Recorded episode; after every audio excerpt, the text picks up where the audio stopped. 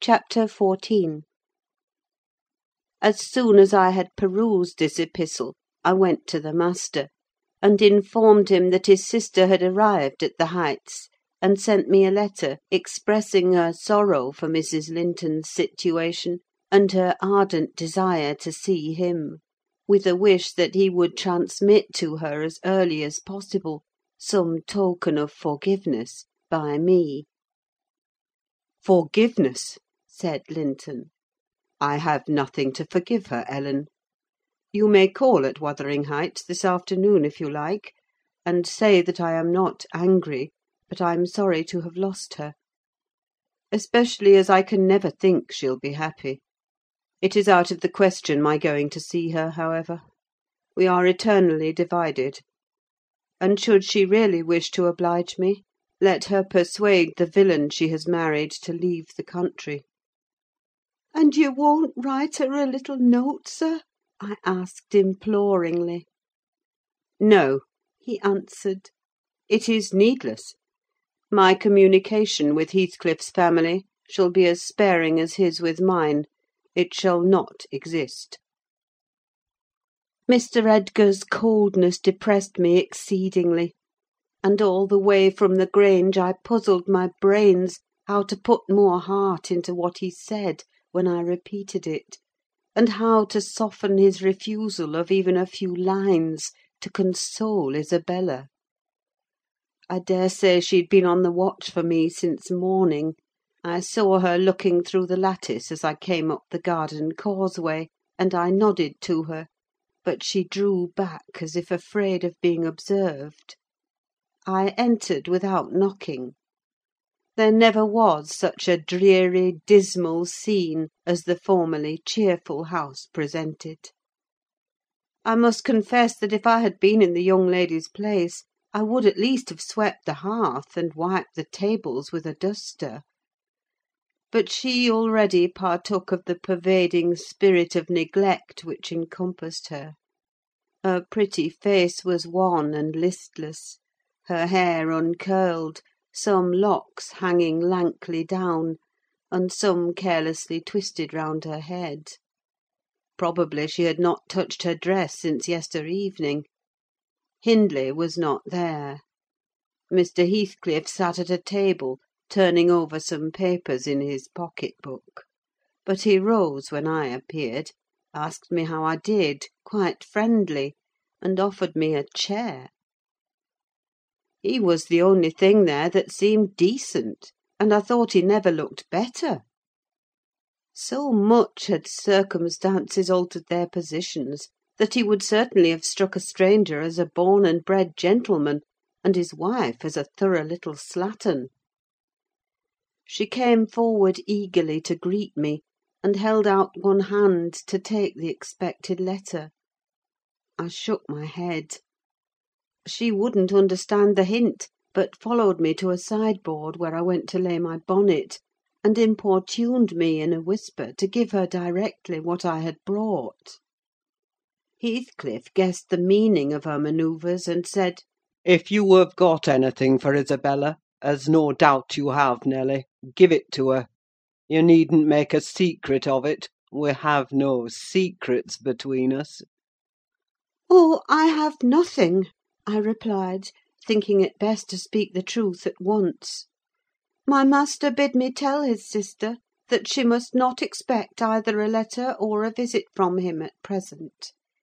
He sends his love, ma'am, and his wishes for your happiness, and his pardon for the grief you have occasioned; but he thinks that after this time his household and the household here should drop into communication, as nothing could come of keeping it up." Mrs. Heathcliff's lip quivered slightly, and she returned to her seat in the window. Her husband took his stand on the hearthstone near me, and began to put questions concerning Catherine. I told him as much as I thought proper of her illness, and he extorted from me, by cross examination, most of the facts connected with its origin. I blamed her, as she deserved, for bringing it all on herself, and ended by hoping that he would follow Mr. Linton's example, and avoid future interference with his family, for good or evil. "Mrs. Linton is now just recovering," I said. "She'll never be like she was, but her life is spared; and if you really have a regard for her, you'll shun crossing her way again: nay, you'll move out of this country entirely; and that you may not regret it, I'll inform you Catherine Linton is as different now from your old friend Catherine Earnshaw as that young lady is different from me. Her appearance is changed greatly, her character much more so; and the person who is compelled of necessity to be her companion will only sustain his affection hereafter by the remembrance of what she once was, by common humanity, and a sense of duty." "That is quite possible," remarked Heathcliff, forcing himself to seem calm. "Quite possible that your master should have nothing but common humanity and a sense of duty to fall back upon. But do you imagine that I shall leave Catherine to his duty and humanity? And can you compare my feelings respecting Catherine to his? Before you leave this house, I must exact a promise from you that you'll get me an interview with her. Consent or refuse, I will see her. What do you say?" "I say, Mr. Heathcliff," I replied, "you must not. You never shall, through my means.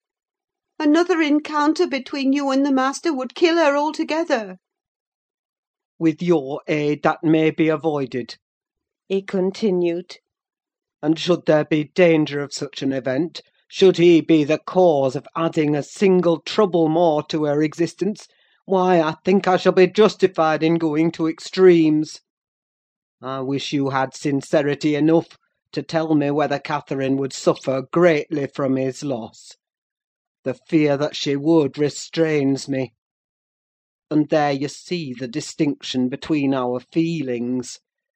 Had he been in my place and I in his, though I hated him with a hatred that turned my life to gall, I never would have raised a hand against him. You may look incredulous if you please. I never would have banished him from her society, as long as she desired his. The moment her regard ceased, I would have torn his heart out and drunk his blood; but till then—if you don't believe me, you don't know me—till then I would have died by inches before I touched a single hair of his head." "And yet," I interrupted, you have no scruples in completely ruining all hopes of her perfect restoration, by thrusting yourself into her remembrance now, when she has nearly forgotten you, and involving her in a new tumult of discord and distress." "You suppose she has nearly forgotten me?"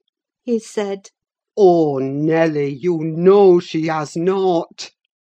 You know as well as I do that for every thought she spends on Linton, she spends a thousand on me.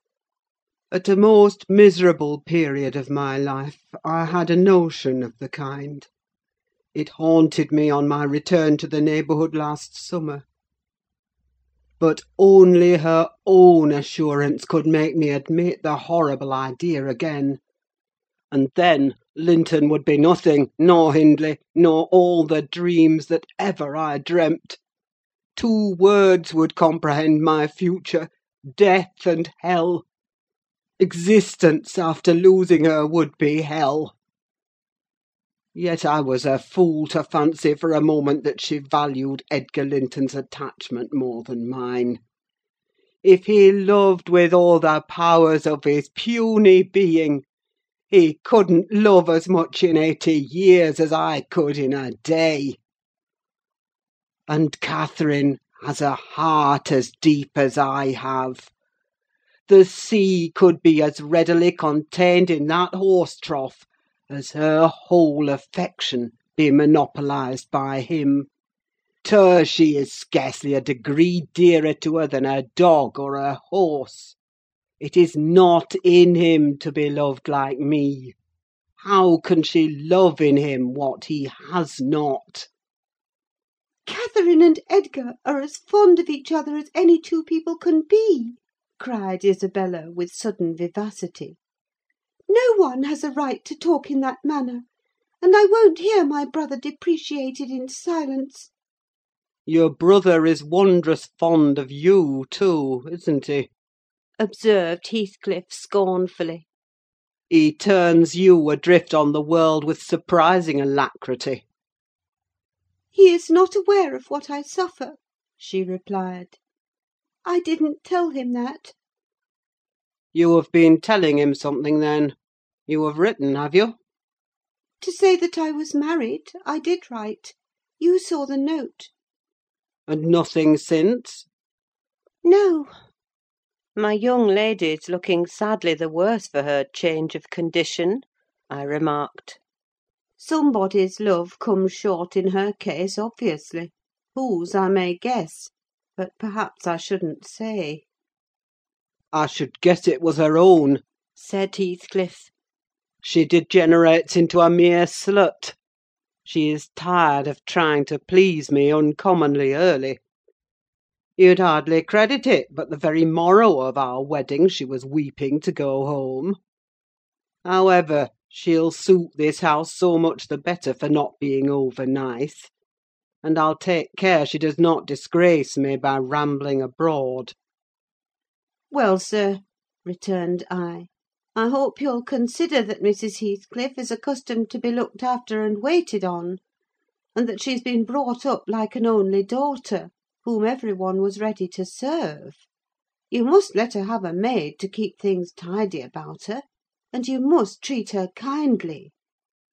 Whatever be your notion of Mr. Edgar, you cannot doubt that she has a capacity for strong attachments, or she wouldn't have abandoned the elegancies and comforts and friends of her former home to fix contentedly in such a wilderness as this with you.